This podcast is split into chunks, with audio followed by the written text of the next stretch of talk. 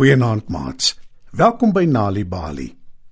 Wanneer 'n mens in die knyp is, moet jy plan maak om iets vinnig gedoen te kry nie waar nie. Soms gebeur dit dat daar amper onmoontlike eise aan jou gestel word, maar dat jy nie regtig nee kan sê nie. Dan is jy in 'n moeilike posisie. Maar, soos die spreekwoord lui, waar daar 'n wil is, is daar 'n weg. In vanaand se storie 10 eysterpotte vir 'n partytjie, oorvertel deur Anne Walton, hoor ons hoe daar so 'n plan gemaak word om 'n probleem op te los. Skuif dit nader en spits julle oortjies.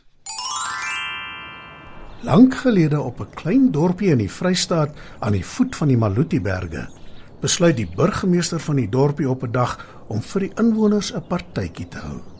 Daar heers al 'n hele lang ruk droogte in die distrik en die burgemeester wil aan die inwoners wys hoe hy dit waardeer dat hulle almal saamwerk om water te bespaar. Dis 'n spontane besluit en hy het hulp nodig met die beplanning daarvan. Hy laat kom die onderburgemeester Teuns en wys na 10 eysterpotte wat een kan staan. Toe sê die burgemeester: "Teuns, sien jy die 10 eysterpotte?" Teuns knik sy kop instemmend. Hy sien inderdaad die potte. Toe kyk hy vraend na die burgemeester, want hy is seker wat sy plan met die potte is nie. Die burgemeester verduidelik dat hy 'n partytjie beplan vir al die inwoners van die dorpie en dat daar potjiekos gemaak gaan word. Hy verduidelik verder dat die potte al redelik oud is en dat hulle aandag nodig het. Maar omdat hy geld wil bespaar, het hy besluit om nie nuwe potte aan te skaf nie, maar om die 10 te laat regmaak. Op dië manier, reken die burgemeester, sal die inwoners ook sommer leer hoe belangrik dit is om jou sente om te draai. Jou goeie vriend Fanny, hy's mos 'n eystersmid nie waar nie? vra die burgemeester. Teuns beamoed dit en die burgemeester gaan voort.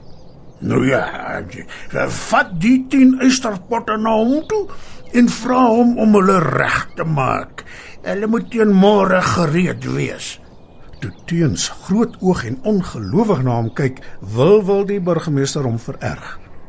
Teuns probeer verduidelik dat dit kort kennisgewing is, maar die burgemeester wil niks weet nie en sê: Nou waar daar 'n wil is, is daar 'n weg. En as ons dorpie regtig belangrik is vir jou en jou vriend Fanny, sal julle sorg dat hy aan my versoek voldoen. Behalwe natuurlik as jy dink ek is onredelik.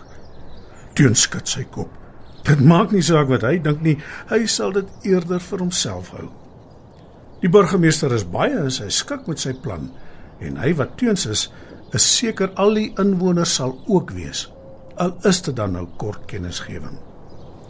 Hy laai dus die 10 potte op sy donkiekar en ry na Fani toe. Hoe gouer sy vriend aan die werk spring om die eysterpotte reg te maak, hoe beter is die kans dat hy dit sal regkry. En hoe beter is die kans dat die burgemeester nie teleurgestel word nie. By sy vriend se werkswinkel aangekom, roep Teuns: "Fani!" Fani kom uit en groet vriendelik. Toe val sy oog op die potte op Teuns se donkiekar en hy kyk vraend na hom. Teuns verduidelik vir sy vriend wat die burgemeester se versoek is. Fanny kyk ongelowig na sy vriend en sê: "Ek weet nie of ek dit sal regkry nie, Teens. Daar is dood eenvoudig nie genoeg tyd nie." Teuns is net so moedeloos soos sy vriend en hulle begin dink aan 'n plan om aan die burgemeester se versoek te voldoen. Eyster smee vat tyd, Teens. Die eyster moet vuurwarm gemaak word om dit te kan vorm en in die geval reg te maak. Daarna moet dit afgekoel word.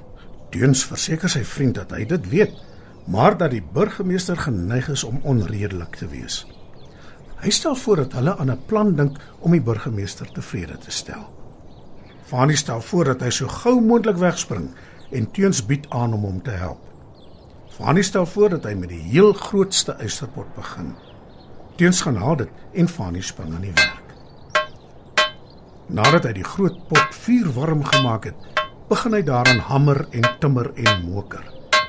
Toe vra hy vir Teuns om vir hom water uit die put te gaan haal om die pot mee af te koel. Teuns vat 'n emmer en kom terug daarmee halfvol water met die slegte nuus dat die put nou dol leeg is. Dan is dit al pot wat ek kan reg hê teen môre.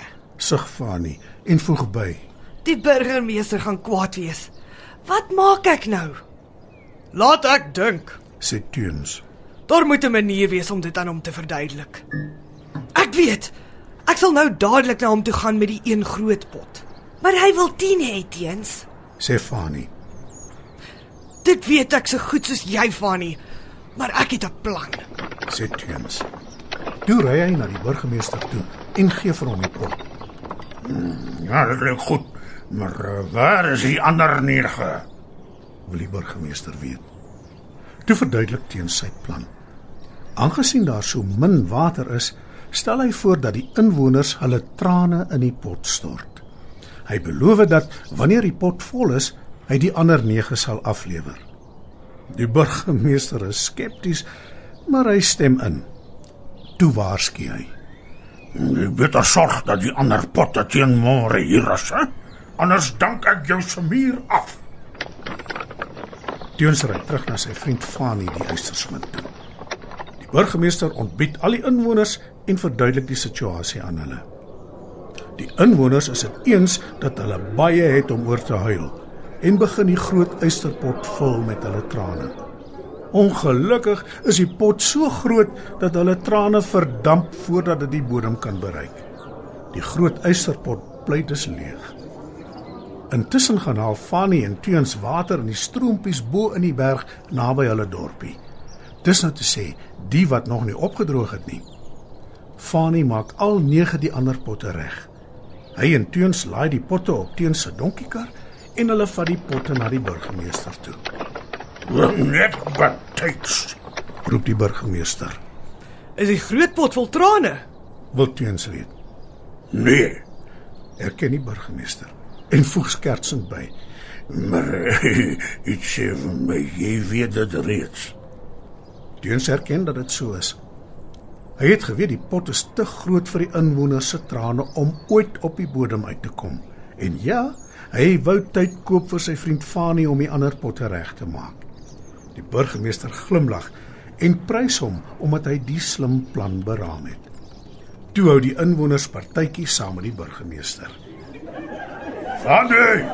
Jens, jy kom sit aan weerskante van my.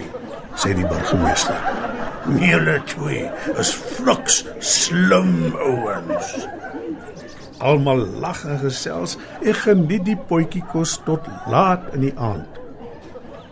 En toe tot almal se groot vreugde sakkie reën uit. Dit is die perfekte einde van die burgemeester se spontane partytjie. Wanneer kinders tuistories hoor, help dit hulle om beter leerders te word op skool. Vir meer stories om vir kinders voor te lees of vir stories wat kinders self kan lees, besoek ons by www.nalibali.mobi. Daar is heelwat stories in verskeie tale, absoluut gratis beskikbaar. Daar is ook wenke oor hoe om stories vir kinders te lees en met hulle te deel sodat hulle hulle volle potensiaal kan ontwikkel. Nalibali is ook op Facebook. En daar is Nalibali stories en aktiwiteite in bylaas van koerante. Story Power. Bring dit huis toe.